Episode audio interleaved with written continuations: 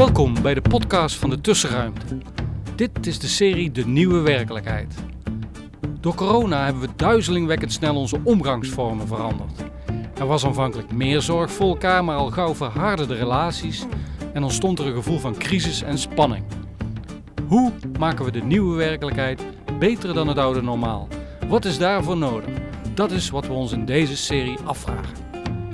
Mijn naam is Bas Mesters en vandaag praat ik met schrijvers Nick Meijnen en Jaap Tielbeke over de vraag of het coronavirus een kantelpunt kan zijn in de strijd tegen de klimaatverandering. Nick Meijnen komt vanuit Brussel tot ons via Zoom. Jaap Tielbeke zit bij ons in de studio. Beide heren zijn experts op het gebied van klimaatverandering en wat er tegen zou moeten worden gedaan.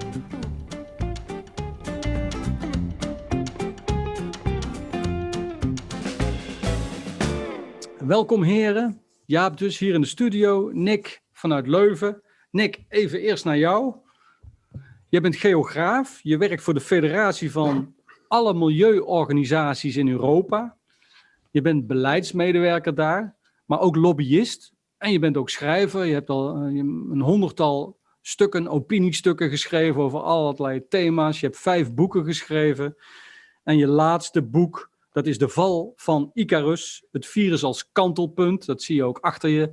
We hebben dat ook uh, van jou eigenlijk, het virus als kantelpunt, hebben we geleend voor de titel van deze bijeenkomst.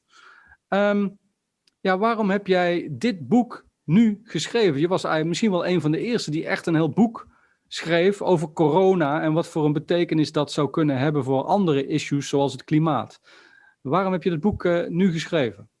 Ja, de tijd was er echt naar. Het, het, is een soort vervolg, een actualisering van een eerder boek, waarin ik ook al een wereldreis langs de achterkant van de wereldeconomie heb gemaakt om systeemfouten bloot te leggen. En met deze pandemie ja, is een soort golf die nog meer de systeemfouten die er zijn aan de oppervlakte brengt, voor iedereen zichtbaar maakt. En is de kans om de grote verandering te bewerkstelligen die we eigenlijk al zo lang willen. En misschien moet ik kort de titel duiden. De val van Icarus slaat eigenlijk op twee verschillende dingen. Is een idee van iemand om die titel te gebruiken. Eerst bedoeld op uh, Trump in de VS en in een breder plaatje de VS als wereldmacht op het wereldtoneel. En inderdaad, we zien dat de, de politieke pyromaan uh, Trump nu net heel actueel is. Um, en dat de, de, implosie van dat land volop gaande is, zoals het ook al een beetje voorspeld en beschreven staat in dit boek, als gevolg van die pandemie. Maar het bredere betekenis van de titel en het volledige boek is eerder de overmoed, hè, want het Icarus-verhaal is een verhaal van hoogmoed komt voor de val. Mm -hmm. Is uh, het verhaal van overmoed van een specifiek deel van de mensheid in de manier waarop die mensheid, of dat deel daarvan, naar de natuur gaat. En denkt dat het daar alles kan ja, uh, bij de sterretjes grabben, dat, zonder dat er daar gevolgen aan verbonden zijn. Er zijn wel degelijk gevolgen aan verbonden. Er zijn conflicten over de manier waarop wij naar de natuur omgaan. Er zijn klimaatverandering is daar een gevolg van, pandemie is daar ook een gevolg van. En op die manier wordt pandemie slechts een symptoom van een veel dieper probleem, van ons, ja. dat wel in ons economisch systeem zit. En is het nu ook het echt moment om uh, om het over die diepere problemen te hebben en niet enkel over het crisismanagement en het hier en nu uh, uh, oplossen van de acute problemen. Ja, ja oké, okay, helder. Um, Jaap, um, jij hebt, um, je, je, schrijft voor de Groene Amsterdammer. Sinds 2015 onderzoek jij het klimaat. En je hebt daar vele stukken over geschreven. En je hebt ook net een boek geschreven dat heet Een beter milieu begint bij jezelf. Niet bij jezelf. Begint niet bij jezelf. Sorry, ja, dat is heel belangrijk. Ja, ja, ja. Um, en um, op bladzijde 169 van je boek uh, las ik dat je schreef: Sinds ik me in het klimaat ben gaan verdiepen, ben ik me rot geschrokken. Uh, waar ben je van geschrokken? Ja, ik denk dat ik voor die tijd echt geen klimaatontkenner was. Weet je wel? Ik denk mm. dat, dat ik een beetje een gemiddelde burger was met de houding van ja, dit is een serieus probleem, maar toch ook wel met de achterliggende assumptie van nou, we gaan daar met z'n allen afspraken over maken. We gaan daar uitkomen. We kunnen daar beleid op voeren. Energietransitie. En op den duur loopt dat wel los. En mhm. als je je dan echt als journalist in die thematiek gaat verdiepen en in de achterliggende wetenschap. Je spreekt met uh, wetenschappers daarover. Je leest die rapporten. Ja, ik viel echt wel van de ene verbazing in de andere verbazing. Want het is natuurlijk opgeschreven in redelijk uh, droge wetenschappelijke uh, taal vaak. Maar als je de consequenties daarvan uh, probeert te doorgronden en, en echt tot je door laat dringen, dat is heel moeilijk te bevatten over wat voor een uh, orde van grootte we het dan hebben. Hoe overweldigend en systemisch, niks zei het al, dat probleem is. En ja, een voorbeeld bijvoorbeeld?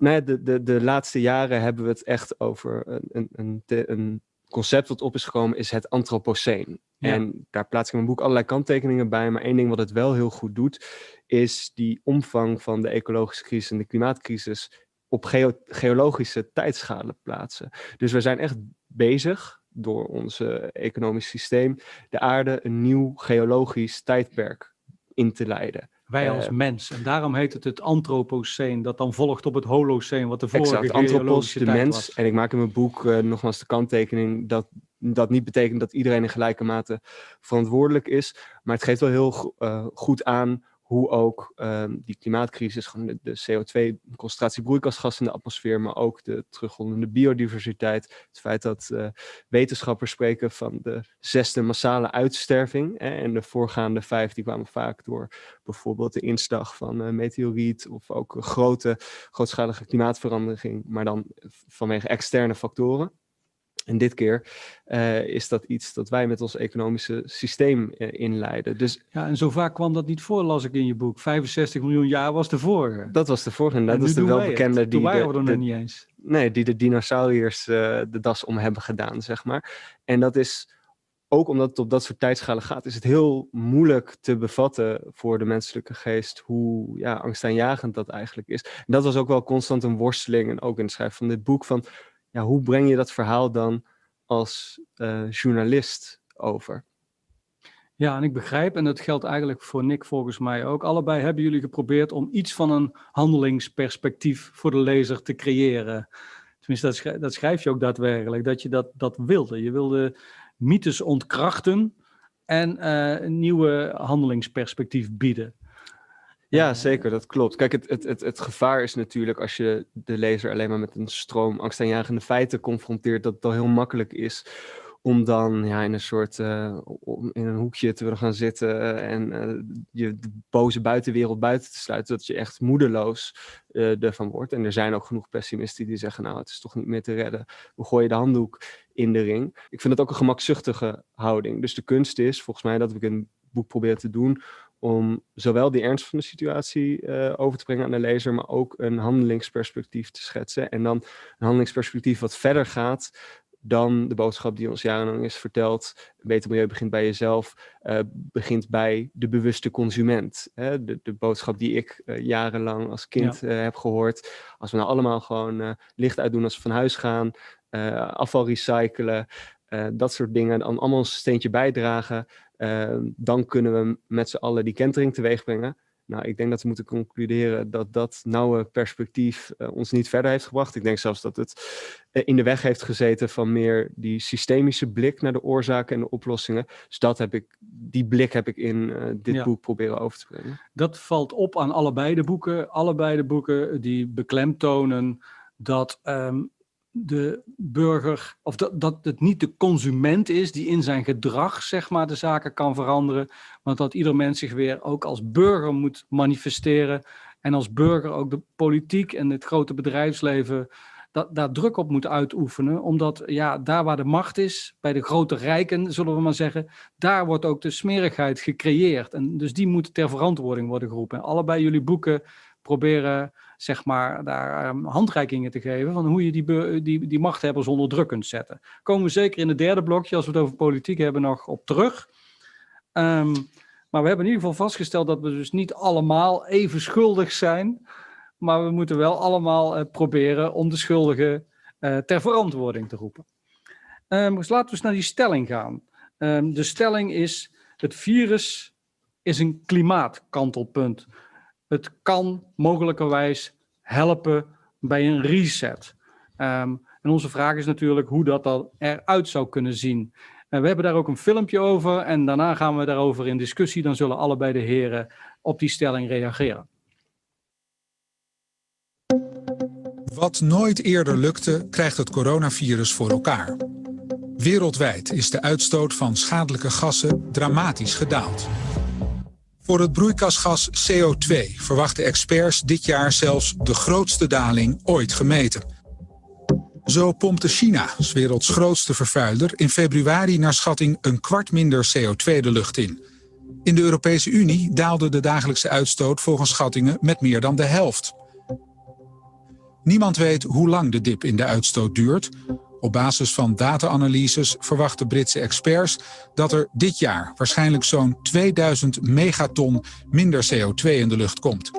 Dat is tien keer meer dan wat Nederland jaarlijks uitstoot. Maar slechts 5,5% minder dan wat de wereld vorig jaar uitstootte. Het VN-klimaatpanel wijst er fijntjes op dat om de opwarming van de aarde onder de anderhalve graad te houden, dit jaar ruim 7,5% minder moet worden uitgestoten. En dat tien jaar lang. Dat de coronacrisis de klimaatcrisis zal oplossen, is dus uitgesloten. Ook al omdat de uitstoot van CO2 doorgaat. Uiteindelijk stijgt de temperatuur als de hoeveelheid broeikasgas in de atmosfeer toeneemt. Dit internationale meetstation verwachtte dit jaar een recordconcentratie CO2 van 414,2. Door de coronacrisis is dat nu bijgesteld tot 414,1. Nick, als jij als eerste, als je kijkt naar die stelling, hè, je hebt dat filmpje is gemaakt, eh, dat was in Nieuwsuur in april vorig jaar, dus vrij snel nadat de coronacrisis uitbrak. We zijn al een stuk verder en er zijn ook wel mensen die, eh, die, de, die minder op, optimistisch zijn dat het kan veranderen. Maar als jij naar die stelling kijkt, het virus als klimaatkantelpunt, wat zie jij dan? Wel, ehm, ondertussen weten we een half jaar later, eh, of meer dan een half jaar later, dat we tegen 7% uh, minder broeikasgassen in 2020 zullen hebben dan, dan, dan het jaar ervoor. Dus dat is, dat is nog beter dan die 5,5. Maar dat is eigenlijk enkel inderdaad directe winst die snel weer weggevaagd kan worden wanneer dat we allemaal terug willen naar een economie van daarvoor. En dat is niet het grote verhaal, denk ik. In, in, in, het grotere verhaal van het klimaat gaat dat maar een klein, klein verhaal zijn. De echte winst die we al een beetje halen uit deze crisis en nog veel meer kunnen halen, dat is dat ik denk dat het voor heel veel mensen duidelijk is dat we niet meer terug kunnen naar het economische systeem dat we hadden tot aan deze pandemie. En zelfs het IMF en het, uh, The Economist, de uitdragers van de neoliberale economische theorie, die verklaren nu het neoliberalisme is dood. En het neoliberalisme is mee verantwoordelijk voor, ik sluit me trouwens volledig aan bij wat Jaap heeft gezegd, voor het, het zetten van verantwoordelijkheid op het individu voor oplossen van problemen, terwijl het eigenlijk juist hen toelaat, bepaalde machtige economische spelers, om terwijl iedereen bezig is om drie minuten minder te douchen, uh, verder te gaan met uh, overontginning en, en overproductie en zo verder. En, en voorbije jaren hebben we gezien dat overheden plotseling oh, heel actief opnieuw moeten zijn in die economie om burgers te beschermen. Je hebt uh, zelfs in de UK plotseling Johnson, die nogthans ja, opgevoed is bijna door Margaret Thatcher, die de treinen weer nationaliseert, omdat ze anders gewoon niet meer kunnen rijden. Of in Spanje worden ziekenhuizen genationaliseerd. In, in, overal zie je dat, dat de overheid actief de economie terugstuurt van dit moeten we nu doen. En dat was al veel langer op een veel zachtere en gecontroleerdere manier nodig. Nu is het ineens allemaal heel snel voor een crisis op te lossen. Uh, want door dat niet te doen, laten we alle macht aan, aan ja, machtige marktspelers die dan geen rekening houden met uh, de, de, langere termijn effecten van klimaat. Dat is eigenlijk een groot marktfalen. Hè? Dat is iets dat je niet in de prijs van een product krijgt, net als de biodiversiteitscrisis, uh, de, de uitstervingsgolf van dieren. Dat is een prijs die je niet in een product krijgt. Daarvoor heb je een grotere instantie nodig, de overheid, om ervoor te zorgen dat, dat bepaalde dingen die, dat die niet meer kunnen gebeuren, uh, in plaats van dat in de prijs te krijgen. En ik zie wel redenen voor hoop. Ik sluit me opnieuw aan bij Jaap. Van, ja, ik, als het huis, als het dak in brand staat, maar moet je wel eerst zeggen dat het dak in brand staat, moet je er niet flauw over doen. En geen sugarcoating. Uh, het is wat het is. Het is heel ernstig. Uh, maar we moeten inderdaad ook kijken, wat kunnen we doen? En of het dan genoeg is en op tijd komt en zo verder dat is allemaal speculatie en, en voer voor gevoelens, optimisme, pessimisme. ja, ik snap dat wel. Heel veel mensen zich, zich daarmee bezighouden. En ik, allee, ik, ik hou me er ook mee bezig. Maar uiteindelijk vind ik het veel belangrijker dat we gewoon doen wat we kunnen en dan zien we dat we geraken. Ook, ik heb ook twee kinderen. Als ik kijk naar hun levensverwachting, 2100 van de jongste, ja, dan, en ik lees die rapporten hoe de wereld in 2100 zou kunnen zijn als we voortdoen zoals dat we voort aan het doen waren, ja, dat, dat, dat, dat, dat boezemt schrik in. Dus we doen wat we kunnen. En er zijn wel tekenen van hoop. In de EU vooral zie ik dat bijvoorbeeld de Green Deal is overeind gebleven. En dat is het overkoepelende beleidsprogramma voor vijf jaar. Dat is het grote beleidsprogramma van de Europese Commissie, die nog maar één jaar bezig is.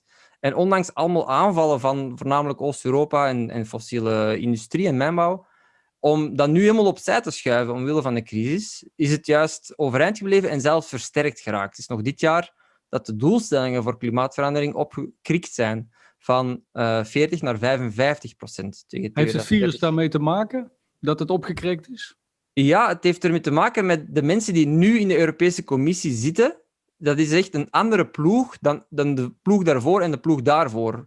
Ik merk dat omdat ik in de Europese milieubeweging actief ben. En uh, toen Juncker, ik was al op de Europese milieubeweging toen Juncker aan de macht kwam, uh, zes jaar geleden. En dat was de grootste backlash die we ooit hebben meegemaakt. We moesten strijden om overeind te houden wat we in decennia bereikt hadden, omdat hij alles in de prullenmand gooide. Nu komen we met een Europese Commissie die van in het begin de Green Deal naar voren schuift, die heel ambitieus is, klimaatneutraal wilt worden. Uh, Ursula von der Leyen, Frans Timmermans, bij jullie zeer bekend, uh, die daar verantwoordelijk voor is, die wel degelijk echt de ambitie uitspreekt. Wat nog niet wil zeggen dat zij ook de concrete, gedetailleerde plannen hebben die ambitieus genoeg zijn. Dat is dan ons werk. Op, hè? In, het, uh, in het slotblokje gaan we het nog uitgebreid over Europa hebben, inderdaad. Dat is wel waar, ja. Maar, ik zie dus wel hoop daar in Europa. Ik zie ook hoop op nationaal niveau, overheden die actief zijn. Uh, ik zie hoop in, in Biden, die morgen weer uh, de VS aansluit bij het Parijsakkoord op stedelijk niveau. Dus er bewegen dingen in de goede richting, waardoor het een klimaatkantelpunt nog altijd kan worden. Um, en meer dan, dan alles wat ik al heb meegemaakt in de twintig jaar dat ik kijk naar uh, het hele debat rond klimaatverandering. Eerst als student en later als, als, in, als activist en, en als journalist op verschillende niveaus. denk dat ik nog nooit zo'n momentum heb meegemaakt. Uh, eerst door de jongeren in heel Europa, Friday for Future. Die hebben mee verantwoordelijk voor geweest voor nieuwe groene parlementsleden in Europa en de Europese Commissie, die nog nooit zo groen is geweest. En dat is overeind gebleven met deze crisis. En heel veel mensen willen daar nog altijd werk van maken. Er is een peiling geweest in Europa dat meer dan 60% van de Europeanen vindt dat ondanks de crisis klimaatverandering nu een topprioriteit zou moeten zijn. Dat is hoopgevend, zo'n zo'n ja. uh, cijfers. Dus uh, uiteraard, er zijn allemaal dingen waardoor het helemaal kan fout lopen. Ik denk aan vooral aan fake news, aan een backlash uh, van, van bewegingen zoals in Duitsland tegen de lockdown, tegen de vaccinatie, die heel sterk en viriel samen met extreem rechts hangen. En, en, en, en, nog altijd die, die macht van de fossiele bedrijven, die is niet zomaar verdwenen natuurlijk. Hè. Dus er is nog altijd strijd tegen nodig. Dus er zijn nog een heel paar grote maars. Maar er zijn ook wel heel veel tekenen van hoop, vind ik. En ja, ja. Um, uh, hoe sta jij tegenover die stelling? Um, in de eerste maand was er echt uh, zoiets van, ja, dit is de kans voor een reset. Hmm. Kijk jij er ook zo tegenaan?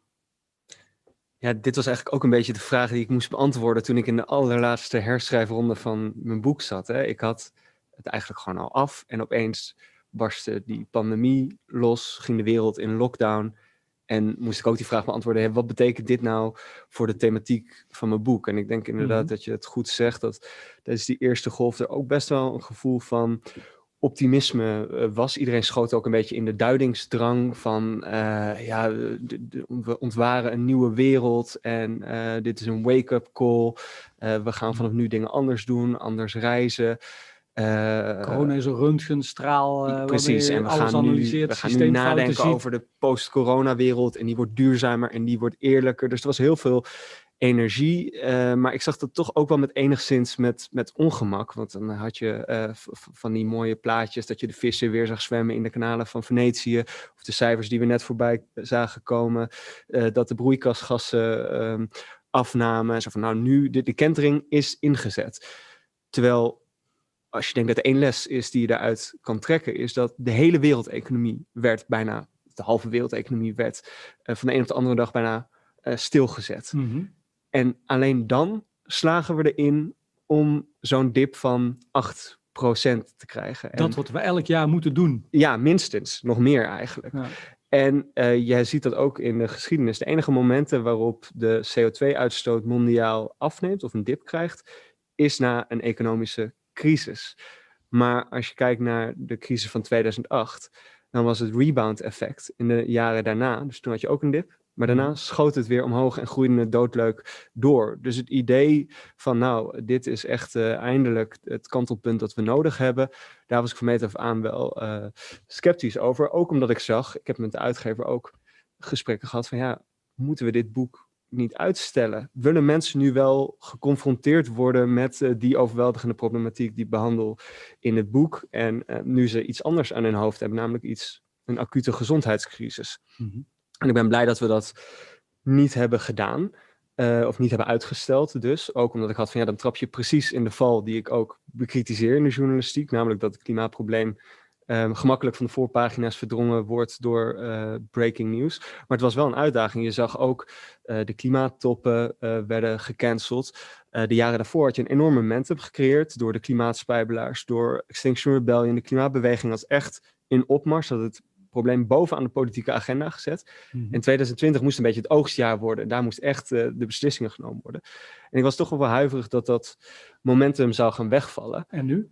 En nu de tweede golf zie je wel dat, dat dat optimisme is toch wel enigszins verdwenen, denk ik. Ik denk dat we vooral heel erg hunkeren naar het einde van eh, de coronacrisis. Eh, en dat, dat dat gevoel van die nieuwe wereld eh, ligt om de hoek, dat dat wel een beetje is weggeëpt. Maar ik ben het wel heel erg met Nick eens dat we ook wel hoopvolle tendensen kunnen aanwijzen. Zo. Er waren ook mensen die zeiden, ja, nee, maar je moet nu, op zo'n moment dat we met zo'n acute gezondheidscrisis worden geconfronteerd, is het niet kies om het te hebben over eh, duurzaamheid of dat iedereen een stokpaardje gaat bereiden. En dan dacht ik, ja, maar hou eens even, een crisis is wel per definitie ook een kantelpunt. Of in ieder geval een, een moment waarop oude zekerheden aan het wankelen worden gebracht en waarin er eh, openingen komen om eh, hoe we het voorheen hebben gedaan in vraag te stellen. Dus, en of dat gebeurt, dat hangt af van de politieke keuzes die op dit moment genomen worden. Dus volgens mij is het wel heel essentieel om juist dit soort debatten te blijven voeren. Heel erg vanuit het besef van, het gaat niet automatisch, maar de keuzes die we nu ehm, moeten nemen, de Ja. politieke keuzes, die zullen bepalen of we juist doorzetten richting die duurzame toekomst of niet. En dan gaat het over de vraag van, hoe geef je een steunpakket aan KLM vorm? Eh, geef je in Amerika eh, schaliegasbedrijven een, een, een bail-out? Zet je door met de Green New Deal of niet? Hè, De Green Deal, daar komen we straks nog over te spreken. Eh, maar dat is nu ook expliciet ingezet als een soort blauwdruk voor economisch herstel. Nou, als Ja. je dat goed vormgeeft en daar zet je op in, dan kan dit wel degelijk een kantpunt, kantelpunt zijn. En een van de interessante dingen die ook eh, echt aansluiten bij de thematiek van mijn boek, een belangrijke les is natuurlijk dat eh, deze crisis heeft laten zien dat de overheid, als we maar worden geconfronteerd Inderdaad. met een eh, crisis die ernstig genoeg is, wel degelijk in staat is en bereid is toe tot hele ingrijpende eh, maatregelen treffen. In het begin ging het nog een beetje op de individuele verantwoordelijkheidstoer van nou, als we allemaal een beetje de handen wassen en niet te veel de deur uitgaan, dan komt het wel goed. En al heel, vrij snel kwam het besef van nou, daar gaan we het niet mee redden. We zullen echt moeten ingrijpen. En ja, ik denk wel weer wat, wat Nick ook zei van de terugkeer van de staat en de terugkeer van de sturende overheid, dat dat wel een erfenis is eh, die achter kan blijven na, als het coronavirus straks hopelijk weer weg En dat we die strategieën ook kunnen omarmen Ja. om de klimaatcrisis te lijf te gaan. Dus dat in ieder geval, dus het virus als kantelpunt in die zin dat het ons weer het bewustzijn heeft gegeven dat politiek daadwerkelijk dingen kan veranderen en ook grondig kan veranderen. Dat hebben we wel gezien met deze lockdown bijvoorbeeld. Ja, exact. En ik denk wel, ik bedoel, niemand zou deze lockdown graag als blauwdruk nemen Nee. voor een duurzame toekomst. Ik was ook ehm, eigenlijk voordat eh, de, de, de pandemie losbrak, was ik bezig met een stuk over eh, degrowth of postgroei-economen. Dus een economen die heel kritisch zijn op eh, eh, Economische groei. is- economische groei en dat heel erg verbinden met de ecologische kaalslag die er plaatsvindt. En ehm, je zag dat die ook wel wat meer ehm, weerklank vonden bij mainstream economen. Dat, dat, dat idee begon toch wel te leven. Ook gangbare economen waren kritisch op de obsessies met BBP. Ehm, en, en toen bleek in één keer dat we in een enorme recessie terechtkwamen. Die we, waarvoor we ook hebben gekozen. Het was een, een politieke keuze om uh, al die uh, handelsstromen stil te zetten, om de vliegtuigen aan de grond te houden. Omdat we levens wilden redden. Uh, dus een hele logische afweging. Maar dan zie je, economische groei is niet heilig op het moment dat de volksgezondheid in geding komt.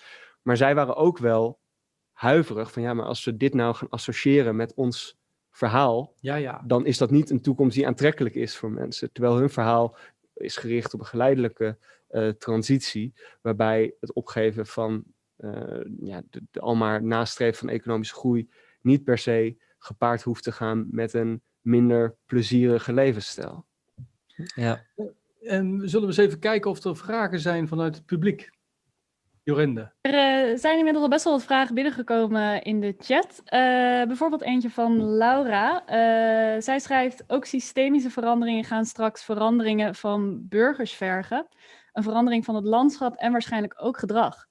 Daar is vaak veel weerstand tegen. Hoe gaan we daarmee om? Ja, uh, dat is een moeilijke. Ik denk, uh, ik wou eigenlijk nog eerst aansluiten op wat, Bas, uh, op wat Jaap net zei. En, en dan misschien op die vraag terugkomen. Is, ik heb denk ik in dezelfde e-maildiscussies van de Degrowth-beweging gezeten. Waarin ze inderdaad dachten, moeten we daar nu op reageren of niet? Want het is niet aantrekkelijk wat er nu gebeurt. Maar uiteindelijk hebben ze toch ook gezegd, ja kijk, we moeten deze kans inderdaad gewoon grijpen. Om te zeggen, kijk als we dat nu gefaseerd en gepland hadden gedaan, dan hadden we dat niet met de botte bijl moeten doen zoals nu, waar heel oneerlijk is.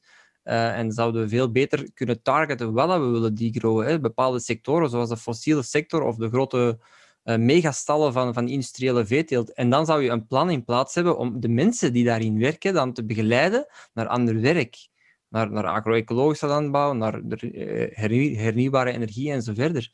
Dus je kunt dat op een sociaal verantwoorde manier organiseren, die degrowth. Dat is waar heel die academische beweging voor staat. En dat is wat er nu een beetje niet gebeurt, omdat het allemaal met de botte bijl en zo snel gaat. Om dan terug te komen op die vraag van het publiek. Um, ja, wat moet er gebeuren? Ik denk dat je enerzijds dus ook een aanbod moet kunnen doen naar uh, mensen die getroffen worden door de maatregelen die een overheid wel degelijk zal moeten nemen om de algemene bevolking te beschermen. Je moet die begeleidende maatregelen heel sterk nemen. Bijvoorbeeld een universeel basisinkomen voor uh, dat is ook een, een, een, thema dat nu weer actueel is. Of uh, systematisch arbeidsduurvermindering jobgaranties. Daar hebben wij juist over die thema's een rapport ook over gelanceerd. Uh, Escaping the Jobs and Growth uh, Treadmill.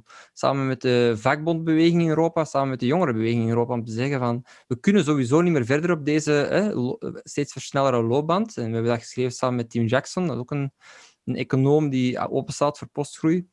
En um, hoe kunnen we dat op een sociaal verantwoorde manier doen? En inderdaad, nu ineens hebben we die recessie, maar ja, die is, die is dus met de botte bijlen niet gepland en heeft dus heel veel zware sociale gevolgen. Maar nu is dan het moment dat we dat aangrijpen om kadering te voorzien, zodat er uh, minder slachtoffers vallen van dit, van dit beleid. Ik denk, dus er gaan altijd mensen hebben die niet meegaan, die, die niet mee zijn met het verhaal. Er gaan altijd boeren zijn die met de tractor naar Den Haag of Brussel komen om te protesteren tegen zo'n grote omslag. Je gaat nooit iedereen meekrijgen. Maar je moet proberen de meerderheid echt wel iets aan te kunnen bieden in het verhaal van postgroei, postgroei en degrowth. Um, waar, okay. waar we toch naartoe moeten, helaas. Dat las ik ook in allebei jullie boeken terug. Dat uh, het niet alleen gaat om uh, klimaatmaatregelen of CO2-maatregelen, maar wel daadwerkelijk ook om sociale maatregelen, uh, antidiscriminatiemaatregelen, um, anti-imperialisme maatregelen, dat het allemaal samen moet gaan uh, wil je verder komen? Jaap, jij wou ook antwoorden? Ja, toch nog even reageren op die vraag. Want ik denk dat dat iets is wat heel veel uh, mensen hebben. En vanuit de milieubeweging dan, hebben mensen snel de neiging om ook inderdaad een prachtige, duurzame, eerlijke toekomst te schetsen. Maar het is natuurlijk reëel uh, dat het klopt dat we met z'n allen dingen zullen moeten inleveren op consumptieniveau, de manier waarop we reizen. Uh, dat als we een, een, een, een, klimaatvriendelijke toekomst willen realiseren, dat dat betekent dat de gemiddelde Nederlander niet meer drie of twee keer per jaar op uh, goedkope vliegvakantie kan. Uh, dat we minder vlees zullen moeten gaan eten, dat bepaalde dingen duurder zullen worden. Maar in, en zeker in Nederland hebben politici er een handje van om zich te verschuilen achter draagvlak. En dat zag je tijdens de discussies over het klimaatakkoord heel goed. Uh, ik weet nog, Simon Buma, die schoof een keer aan bij, bij Buitenhof. En die zei, ja, dat je net de gele hesjes gehad in Frankrijk. Zeg, dat is het schrikbeeld. Daar moeten we voor oppassen, want mensen gaan in opstand komen als we te hard van stapel lopen. Op zich een prima analyse. Maar wat voor een conclusie verbond hij eraan? Dus moeten we maar niet te veel haast maken met die transitie of met klimaatbeleid. En dat is volgens mij een wezenlijk foute uh, conclusie, want hoe langer je wacht, hoe duurder het wordt en hoe groter de ellende als je niks doet. Zeker voor de minder bedeelde uh, mensen mm -hmm. in het land en in de wereld. Dus wat je volgens mij wel moet doen, is heel erg inderdaad het rechtsvaardigheidsvraagstuk incorporeren in de discussies over klimaatbeleid. Zodat je wel gaat nadenken over, uh, oké, okay, als we niet allemaal kunnen vliegen, stel er komt een vliegquota, hoe kun je dat op de een manier uh, rechtvaardig verdelen? Uh, hoe zorg je ervoor dat um, de lasten eerlijk verdeeld worden? En dat is, als je het hebt over klimaatbeleid als, zoals premier Rutte dat ooit omschreef, een, de grootste verbouwing van Nederland na de uh, Tweede Wereld of sinds de Tweede Wereldoorlog, um, dan is het zaak om dat uh, op een eerlijke manier te doen. En ik ben ervan overtuigd dat je op die manier ook echt draagvlak kan creëren voor dat, voor dat beleid. Dus draagvlak is niet zoiets waar, waar politici zich dan maar um, achter, achter verschuilen of dat dat het tempo bepaalt. Nee, ze hebben ook in de hand of ze dat kunnen vergroten of verkleinen door hoe ze het beleid vormgeven. Door ook zelf stappen en suggesties te doen. Ja. Precies. Ja. Mag ik daar nog iets aan toevoegen? Nog ja? ja. Zeg, uh, bijvoorbeeld met het vliegen. Uh, er is een meerderheid van Europeanen die vindt dat korte afstandsvluchten uh, afgeschaft zouden mogen worden.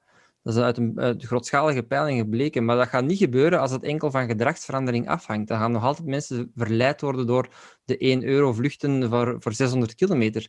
Dat gaat afhangen van uh, samenwerking tussen Europese overheden die zeggen oké, eigenlijk is het inderdaad een manier om het vliegen rechtvaardiger te maken. En, maar dan moet je ook inzetten als overheden op alternatieven bieden. De snelle treinen, de nachttreinen, laat die opnieuw back on track komen om eventjes de naam van een beweging te noemen. Uh, en inderdaad, over die vliegquota heb ik ook een heel hoofdstukje in mijn boek staan. Dat is al een idee dat al langer circuleert van op een eerlijke manier verdelen het vliegbudget dat de mensheid eigenlijk nog heeft, in plaats van de vrije markt opnieuw zijn, zijn ding te laten doen, met dan zowel de 1-euro-jobs als uh, anderzijds heel dure vliegreizen als, als de belastingen voor uh, vervuiling uiteindelijk er komen, die, die dat we wel willen.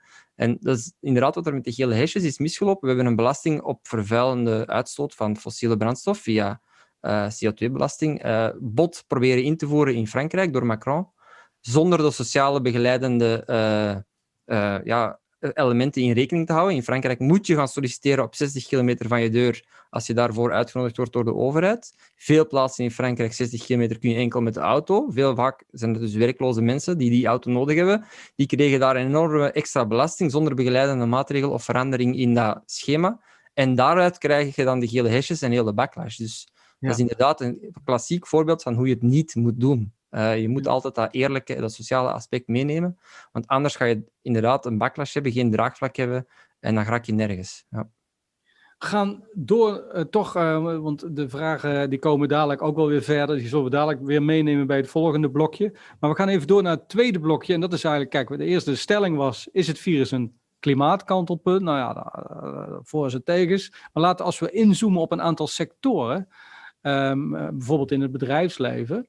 Um, zie je dan sectoren die, uh, waar, waar, daadwerkelijk uh, echt iets aan het gebeuren is? En welke sector blijft duidelijk achter? En misschien om, om te beginnen maar even de, de luchtvaart. Enerzijds zeg jij, um, zegt Nick, van uh, 70% wil best wel af van die goedkope vluchten van de mensen.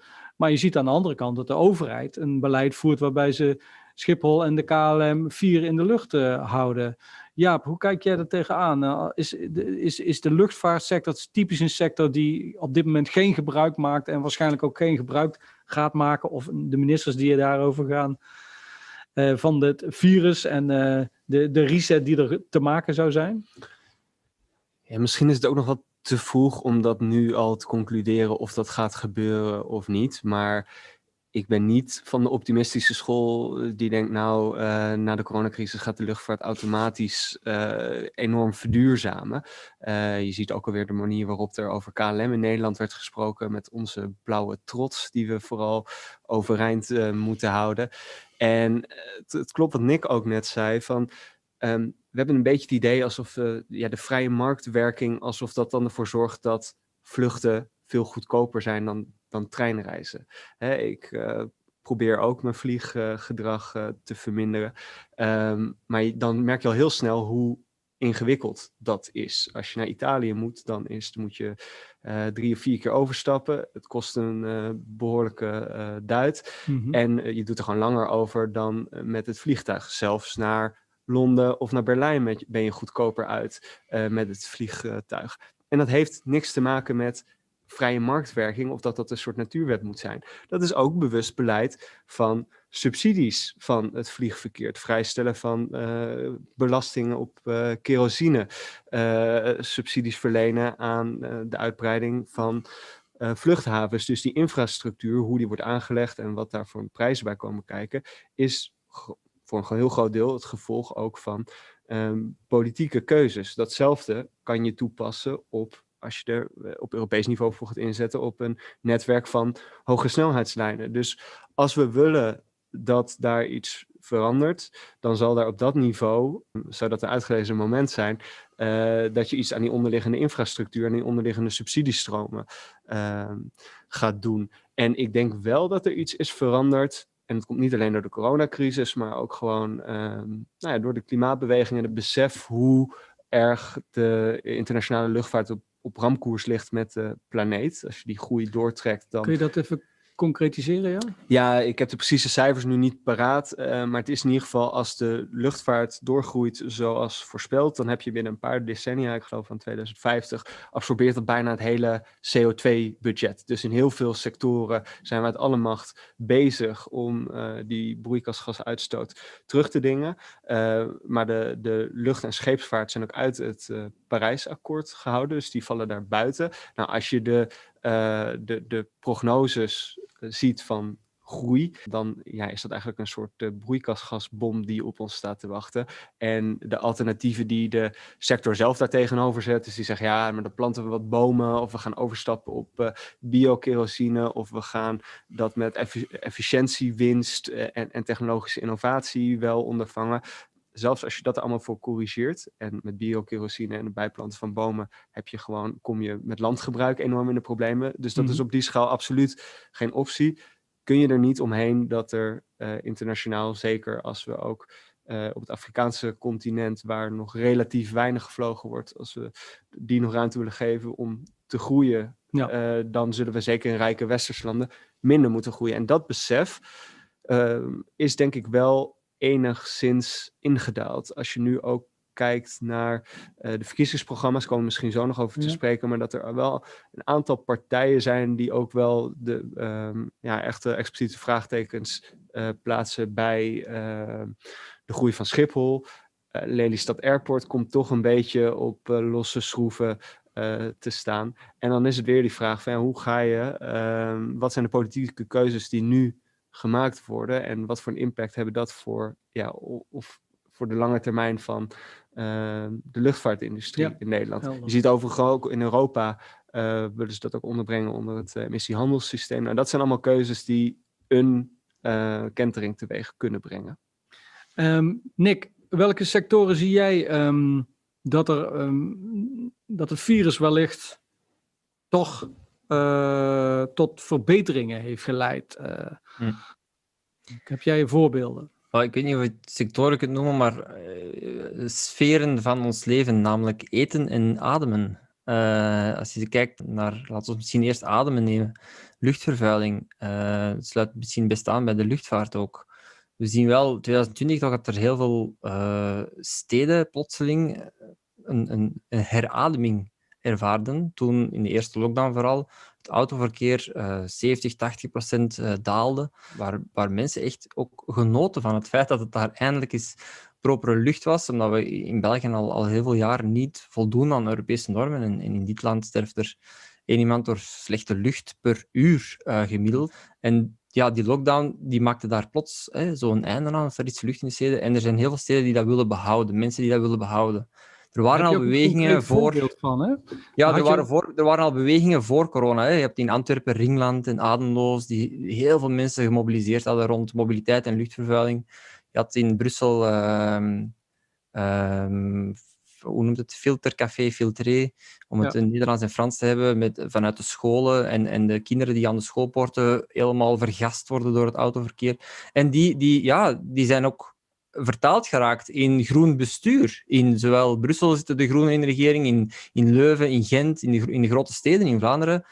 Heb je, heb je dat vertaald gekregen, die, die burgerbewegingen, in, in, in groen deelname aan het beleid? En dat vertaalt zich nu bijvoorbeeld in, ja, in Brussel, de Wetstraat, eh, de symbolische straat van autoverkeer, waar je dan plots eh, een, een, een van de vier grote rijstroken hop eh, een fietspad krijgt, op één nacht gelegd. En dat, dat blijft een fietspad ook na de lockdown. Eh, en dat past in een trend. Dat is niet alleen in Ja. Brussel gebeurd. Ja, dat, dat de mensen die in steden wonen daar echt klaar voor zijn en daar nu gebruik van maken van die crisis om te zeggen, dit willen we houden. En het past ook in een ander verhaal, want ja, luchtvervuiling maakt onze longen zwak. En hele COVID-19-ziekte is een longziekte. Dus het is geen toeval dat zowel België als Noord-Italië, twee van de zwaarst getroffen regio's in eh, Europa zijn. Daar is onderzoek naar gedaan eh, in 2020, om en uiteindelijk vastgesteld dat het echt duidelijk is als er eh, een regio is met zware luchtvervuiling, heb je veel meer hospitalisaties en sterfgevallen van mensen die COVID-19 krijgen. Omdat die longen nu eenmaal al verzwakt waren toen het virus daar nog eens een keer een aanval op pleegde. Dus die verbanden zijn ook duidelijk eh, geworden door de pandemie. En dus zie ik daar wel kansen, zeg maar, om nu zoveel mogelijk eh, vast te houden. Ehm, een andere sector zie ik ook de voeding dus. Ehm, de vraag naar korte keten landbouw, naar gezonde eten, is in 2020 enorm gestegen in België. Eh, Mensen zijn naar zelfplukboerderijen gegaan, naar, naar hoevenboerderijen voor directe verkoop, naar voedselpakketten. Die vraag is enorm gestegen. En dat komt enerzijds voort uit ja, dat we ineens aan het hamsteren waren in maart. Eh, de, hele, er zijn heel veel gifs en memes over hamster eh, voor toiletpapier enzovoort. Maar ik heb het ook meegemaakt dat de fruit- en groenteafdeling in onze lokale De Leize ook eh, plotseling heel leeg oogde. En dat doet mensen nadenken. 80% van ons fruit en groenten in België komt uit een ander land dat we eten. Zelfs ons brood is tegenwoordig een internationaal handelsproduct. Uh, dus ja, dat doet mensen echt wel vragen stellen van zekerheid uh, en terug verbinden met de regio waar ze in leven. En, en die trend ja. die kan ook vastgehouden worden, denk ik. Dat is ook een veelbelovend iets. Um, Oké, okay, ja. dus dat zijn twee voorbeelden inderdaad waar wellicht iets gaande is. Er is natuurlijk, we zagen net al even in beeld, uh, olie. Hè? Um, dat is natuurlijk, uh, Jaap, een sector waar heel veel zou kunnen worden gewonnen. Hoe kijk jij aan tegen de ontwikkelingen in de olieindustrie uh, sinds corona is uitgebroken? Ja, de olieindustrie heeft een turbulent jaar achter de rug, dat kun je wel stellen. En het is wel goed om te vermelden dat die natuurlijk daarvoor al enorm onder vuur lagen. Zowel vanuit de energietransitie oogpunt. Ze kregen allerlei rechtszaken aan hun broek. Stonden al een beetje in dubio van ja, wat, wat, wat gaan we nou doen? Gaan wij proberen mee te gaan met die energietransitie en onze portefeuille uh, uit te breiden, ook inzetten op duurzame energie? Of proberen we toch nog vast te houden aan dat zwarte goud en gas uh, mm-hmm. om zoveel mogelijk fossiel uh, uit de aarde nog te pompen? En je had op een gegeven moment tijdens de coronacrisis ja, die vraag die viel gewoon weg. Die viel gewoon, nou ja, niet stil, maar er zat een enorme dip in.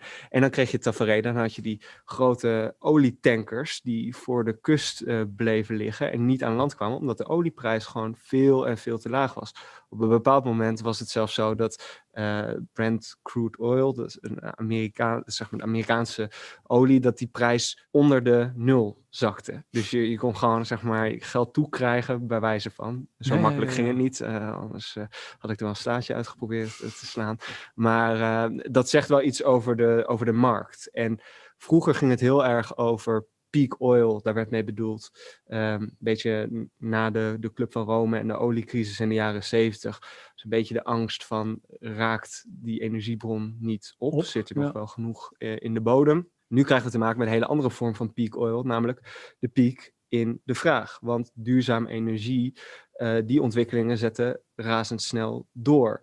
En dus het was een soort, ja, bijna een soort perfect storm. Uh, en waarbij ook uh, Shell bijvoorbeeld voor het eerst sinds de Tweede Wereldoorlog moest uh, snijden in een, dividend. BP die grootschalige ontslagen um, um, moest doen. En ja, je merkte gewoon dat, dat, dat ik geloof dat Wired of zo, die kopte van dat de coronacrisis legt eigenlijk bloot hoe kapot die sector al wel niet was. En ik bedoel, die prijs is inmiddels weer wat opgekrabbeld, maar ook de uh, topmannen van de grote uh, oliemaatschappijen, die betwijfelen of die dagen van uh, ja, de pre-coronatijd, of die wel terugkomen. Dus ik denk dat ze heel erg, en dan nog heb je steeds kampen van, van, van, mensen die zeggen: Oké, moeten we niet echt van strategie wezenlijk veranderen? Of proberen we toch nog vast te houden aan ons oude verdienmodel en nou ja, daar zo lang mogelijk uh, geld aan te verdienen? Maar ik denk wel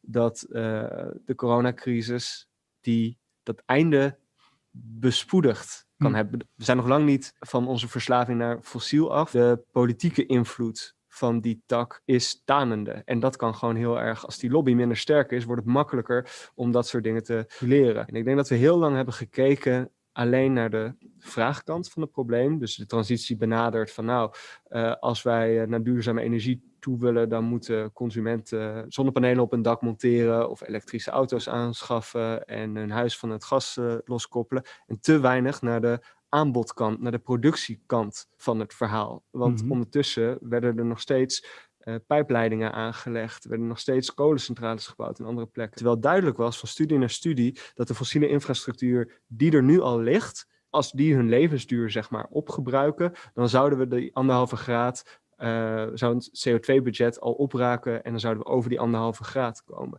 Dus het is ook zaak om te kijken naar die, die ontmanteling van en daar uh, heb je de politiek weer bij nodig. Heb je de politiek weer bij nodig. En dat gaat denk ik ook, hè, als je het hebt over degrowth, ontgroeien, dat gaat natuurlijk altijd over bepaalde sectoren. Nou, dit is een sector waar uh, dat eindelijk plaats zal moeten vinden. En dat zal niet van de een op de andere dag gaan, dat zal niet makkelijk gaan. Ook daarbij is het cruciaal om dat rechtvaardigheidsprincipe uh, mm.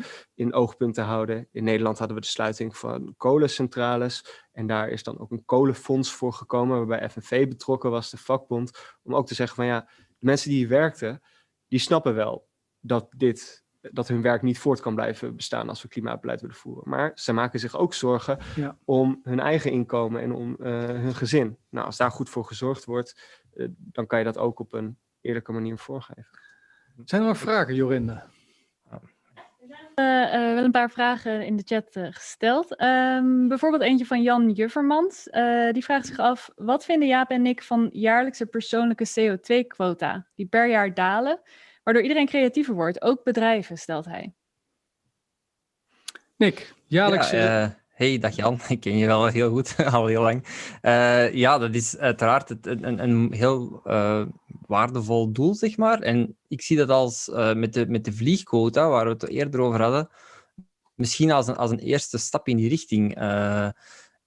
de praktische haalbaarheid ervan om het toe te passen op alles wat we consumeren is, is misschien nog niet, nog niet zo evident. Maar het is inderdaad het principe van eh, een eerlijk uh, speelveld voor iedereen te creëren. Hè? Dat, dat het niet meer nu zo is. Hè? In de zomer was er een, een publicatie in Nature waarbij wetenschappers waarschuwen voor extreme rijkdom. Het ging niet over een communistisch uh, bladje, dat ging over Nature uh, natuurwetenschappers, die duidelijk hadden berekend van ja, het is echt wel een specifiek deel van de mensheid dat het grootste impact op het milieu heeft. En, en in toenemende mate. Een steeds kleinere groep heeft een steeds grotere impact. En wat jij dan voorstelt, Jan, is inderdaad helemaal het omgekeerde. Dat iedereen heeft dezelfde impact. Uh, en ergens in die richting bewegen, bijvoorbeeld via de vliegquota, vind ik een heel goed uh, idee. Ik vond ook een heel uh, interessant gesprek daarnet met, tussen Jaap en, en, Bas. En ik was ook helemaal mee eens met wat Jaap zei. Dus het probleem van lock-in. Eenmaal dat je infrastructuur voor miljarden betaalt, gaan ze dat altijd willen afbetalen. En is ook het probleem van ja, stranded assets van die bedrijven. Van, ja, eh, eenmaal dat je miljarden hebt geïnvesteerd in het uh, uit, de, uit een diepe grondlaag halen van een druppel olie, dan ga je altijd, uh, omwille van druk van de aandeelhouders, iets produceren, verkopen en verbranden. Dan is het eigenlijk al te laat. Dus wat ik ook altijd zeg in de Europese milieubeweging, van we moeten veel meer het probleem aan de bron aanpakken, aan, aan de ontginning en aan de productie. Uh, in plaats van aan de consumptie uiteinde, want dan is het vaak al te laat. Het is al ontgonnen, dus het gaat verkocht en verbrand worden. Uh, en als je ziet, extractie, inclusief olie, maar alle mijnbouw, is verantwoordelijk voor 90% van alle biodiversiteitsproblemen, 90% van alle watervervuiling en de helft van alle broeikasgaseffecten volgens de Europese Commissie. Dus dat is de bron van het probleem, het begin van onze pijplijn-economie, want onze economie is een pijplijn. Hè. 90% wordt niet gerecycleerd, ook al spreken al tien jaar over circulaire economie, 90% is een pijplijn van, van nemen, produceren, consumeren, weggooien. Uh, en dat probleem oplossen begint inderdaad aan de bron. Dus ik kan het moeilijk nog meer eens zijn met, met wat Jaap uh, daar, daar net uh, daarover zei. Is er nog een vraag, Jorinde? Er zijn nog een aantal vragen. bijvoorbeeld eentje van Dave Dreugen. Um, hoe denken jullie over waterstof en de blijkbaar nodige afhankelijkheid van bedrijven als Shell om deze te realiseren? Dat is een nieuwe bubbel waterstof. Een nieuwe groene mythe die zich aan het opblazen is. Uh, want uiteindelijk heb je daar bijna altijd weer gas voor nodig. Uh, groene waterstof is, is ook weer is, is 0, zoveel procent uh, van, van wat er op de markt is. dus ik vrees dat we daar een beetje hetzelfde verhaal als, als met biomassa verbranden. Hè, waarbij dat we pellets zijn gaan promoten en subsidiëren op dit moment landen zoals Nederland, België kunnen subsidies geven voor het verbranden van hout in een oven om elektriciteit op te wekken als deel van het oplossen van het klimaatprobleem. Dat is ergens helemaal uit de hand gelopen. Uh, en een beetje hetzelfde verhaal met, met, met hydrogen. Dat is, weer een hele hype. Maar uh, de, de, totale effecten, als je kijkt van, van bron tot, tot einde, zijn waarschijnlijk heel nefast. Uh, en, en is een, eigenlijk een soort poging om met technologie onze huidige te, te grote economie draaiende te houden. Terwijl, ja, als je het volledige plaatje bekijkt, dat, het, dat er ergens in iets is dat totaal niet klopt aan dat verhaal. Dus wij, verzetten ons daar heel hard tegen binnen de European Environmental Bureau, tegen uh, die push for hydrogen. Ja, hoe kijk jij dat nou ja, ik ben geen uh, energie-expert, dus ik wil me niet zo stellig uitspreken over waterstof. Ik denk wel dat het, uh, als je een groene vorm krijgt, dat het onderdeel wordt uh, van de toekomstige energievoorziening. Het is een energiedrager, hè, geen energiebron.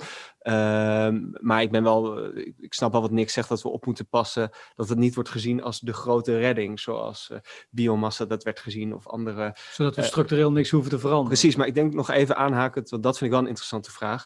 Van, um, zijn we daarvan afhankelijk van bedrijven als Shell. En ik laat me de vraag dan even parafraseren als ik zo vrij mag zijn. Wat is de rol van Shell in de toekomstige energievoorziening? En dat vind ik wel een hele mm-hmm. ingewikkelde en een hele moeilijke. Heel vaak wordt de vergelijking gemaakt met, met Kodak. Eh, er is een club, beleggingsclub, uh, Follow This, die proberen Shell tot een groenere koers te dwingen. Die maken de vergelijking met Kodak. Um, om te zeggen, kijk, dat bedrijf, die had de boot gemist. Die had de techniek voor digitale fotografie al in huis, maar die dacht dat zal wel niet zo eh, loslopen. Wij houden vast aan analoge fotografie. Val ik aan het uh, misrekening.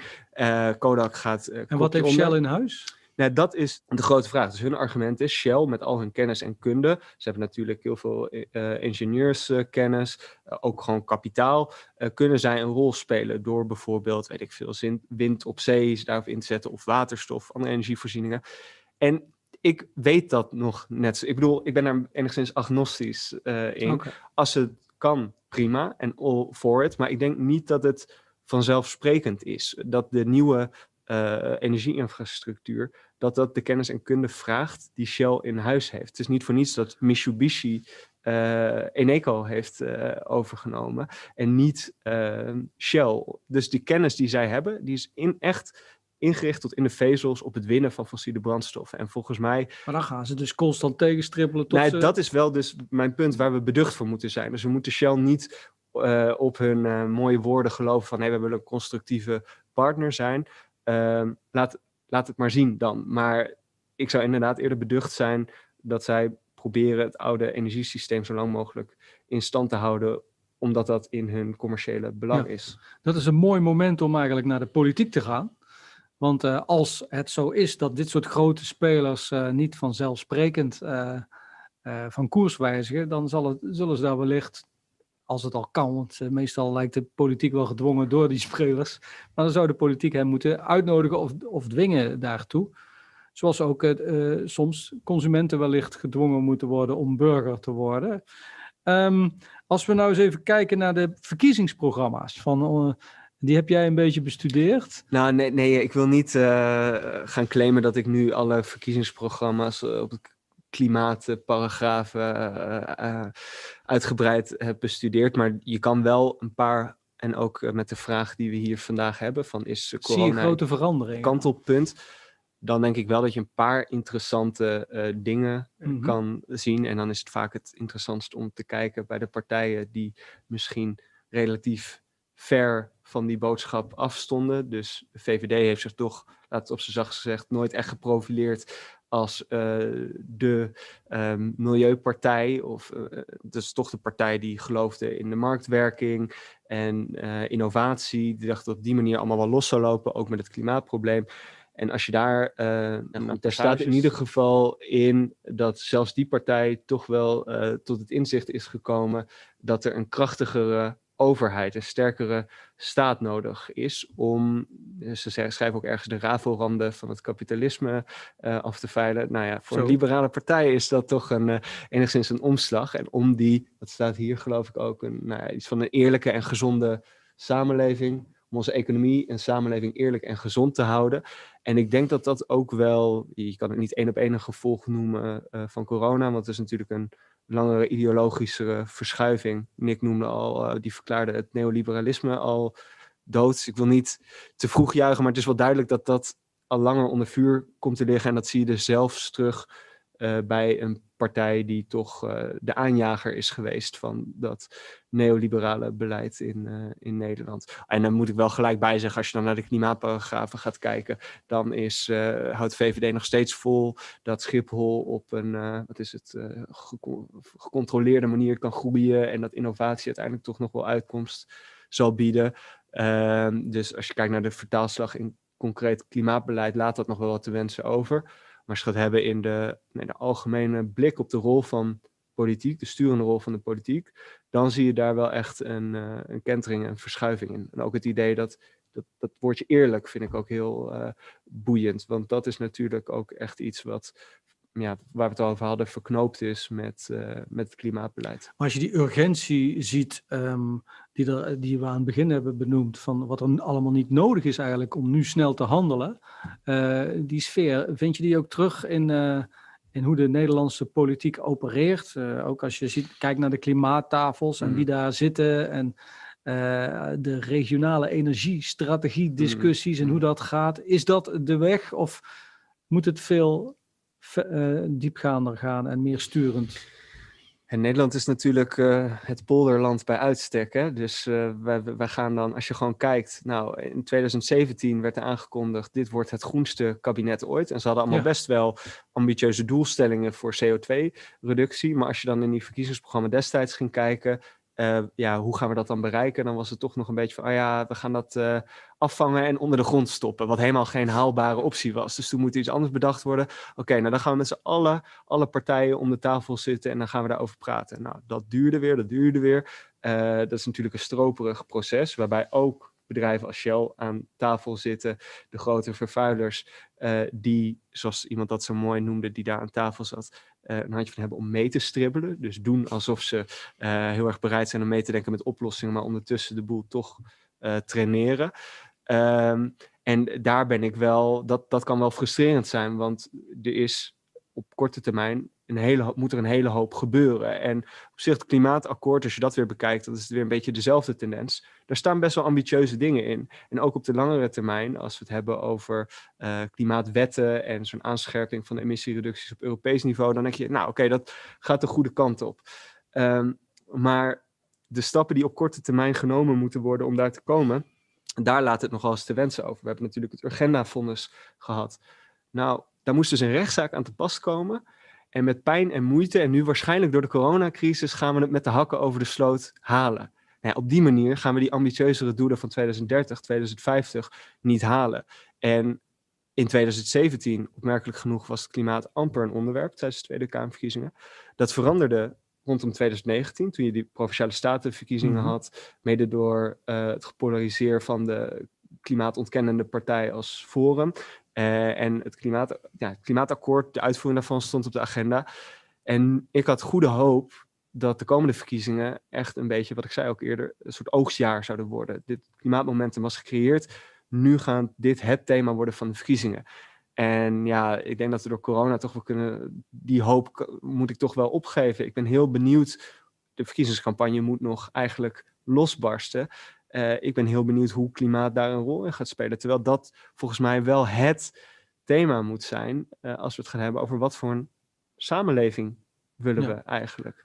Dan moeten we het misschien van Europa hebben om druk uit te oefenen. En daar hebben we ook een filmpje over. Um, Timmermans die uh, spreekt um, op een vraag van een um, uh, Vlaamse journalist. Lidstaten zijn volop bezig met een nationale klimaat- en energieplan op te stellen. Uh, moeten die nu allemaal worden herbekeken in het licht van de nieuwe doelstelling voor 2030?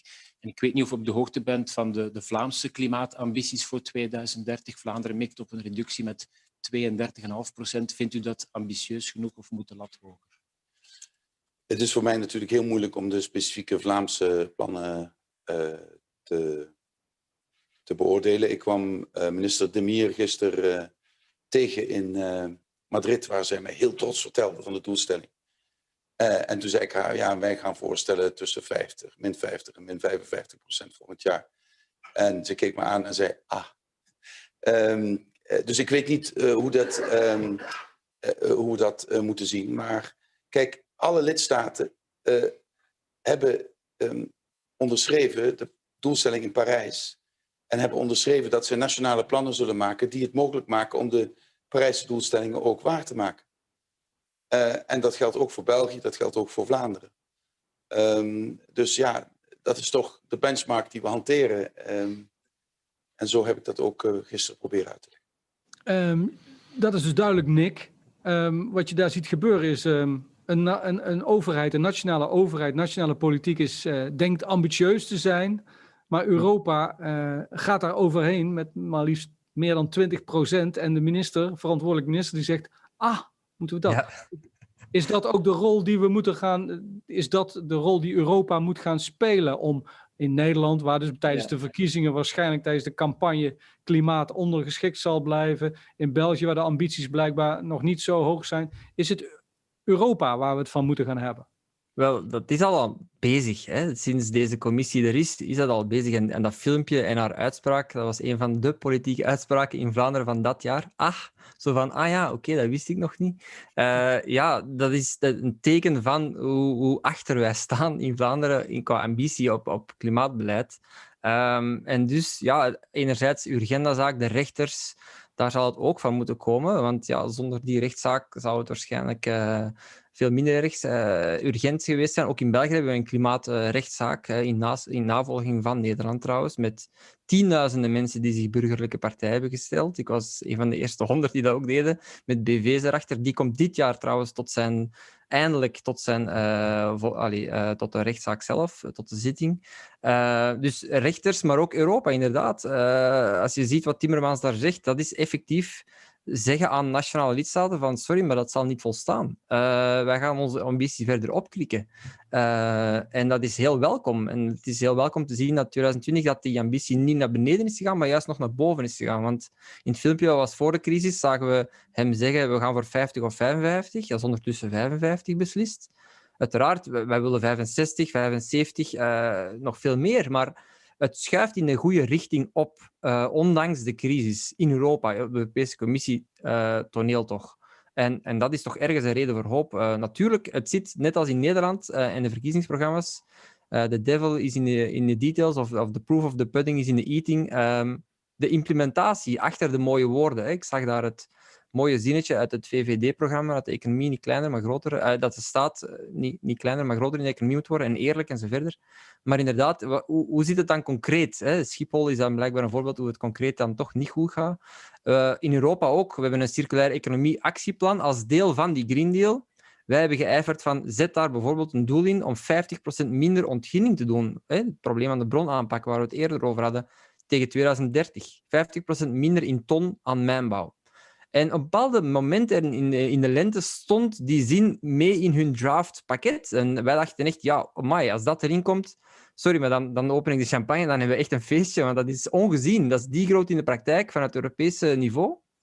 Helaas uh, is dat niet in de finale tekst geraakt. Uh, er moet ergens een lobbyist uh, uit de Poolse kolenlobby of zo geweest zijn, die dan toch de, de commissaris heeft overtuigd om dat eruit te halen, want dat vonden ze toch maar al te, al te radicaal of zo. Maar ik wil maar zeggen, er is een strijd bezig en de implementatie van die mooie woorden op Europees toneel, in de praktijk, in de wetten, dat is waar wij nu strijd leveren en waar er nog veel ja, eh, in, in verschillende richtingen kan vallen. Dat is, dat is nog niet helemaal duidelijk. Maar de mooie woorden zijn er al. Uh, dat, dat, is het, dat is het begin. Uh, de implementatie de, daarachter die moeten nu uh, volgen. En ondertussen zijn er ook van onderuit nog enige landen, hè, duizenden mensen die een steenkoolmijn in West-Duitsland gaan blokkeren, omdat ze zeggen, met Extinction Rebellion ook, we kunnen niet wachten op overheden in Europa om de, het probleem aan de bron aan te pakken. Wij, wij blokkeren die mijn fysiek. 24 uur, 48 uur bezetten wij die met 6000 mensen, wat ze elk jaar doen in West-Duitsland.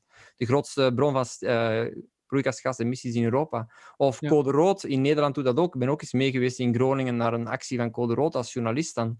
Uh, en zij zeggen ook, kijk, als, als de overheden het niet doen, dan doen we het maar zelf. En natuurlijk, het zou veel beter zijn als de overheden en, de Europese uh, een beleid voeren dat in lijn is met, met, het, met de schaal van het probleem. En als, zolang ze dat niet doen, zullen er altijd burgers zijn die voldoende geïnformeerd en voldoende bereid zijn om actie te voeren, om dan maar het heft in eigen handen te nemen. En ja, dat is niet wat we willen, maar dat is wel uh, helaas noodzakelijk als een overheid niet doet wat, wat, wat nodig is.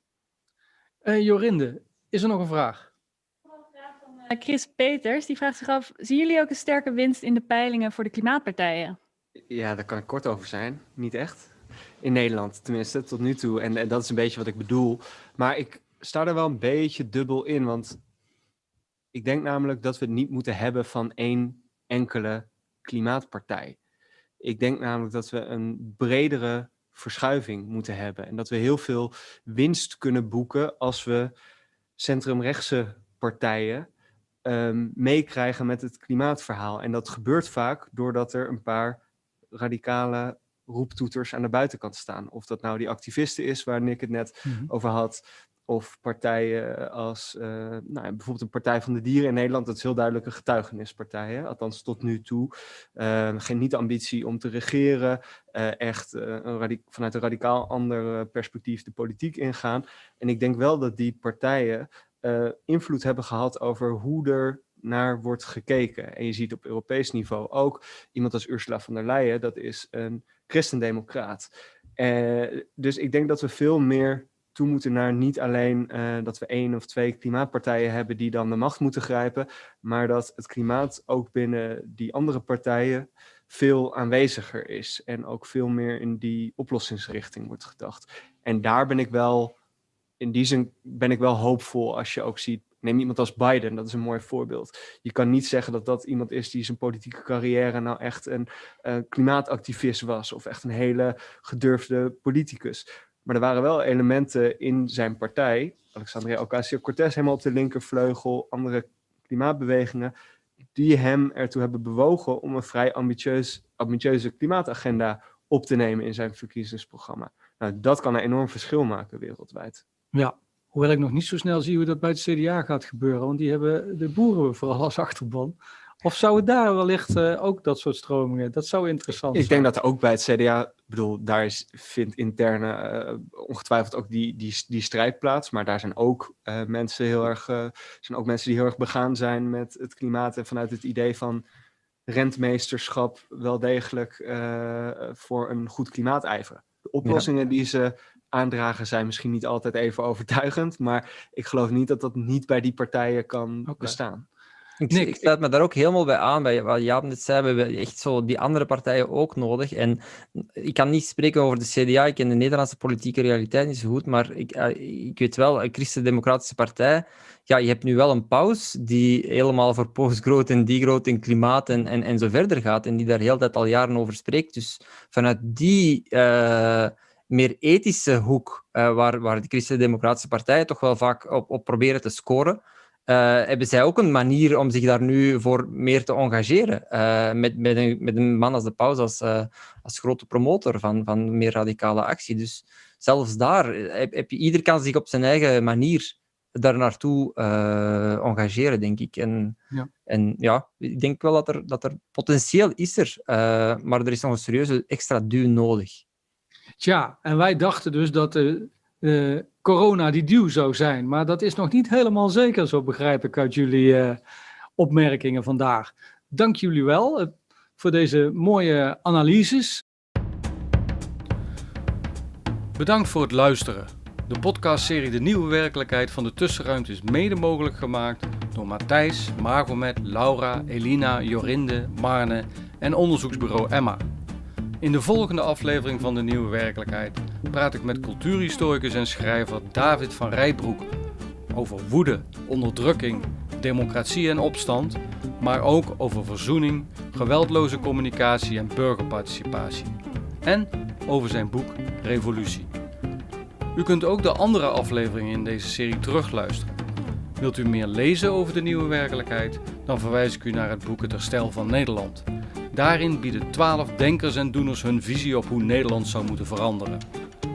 Voor nu, tot horens en tot de volgende tussenruimte.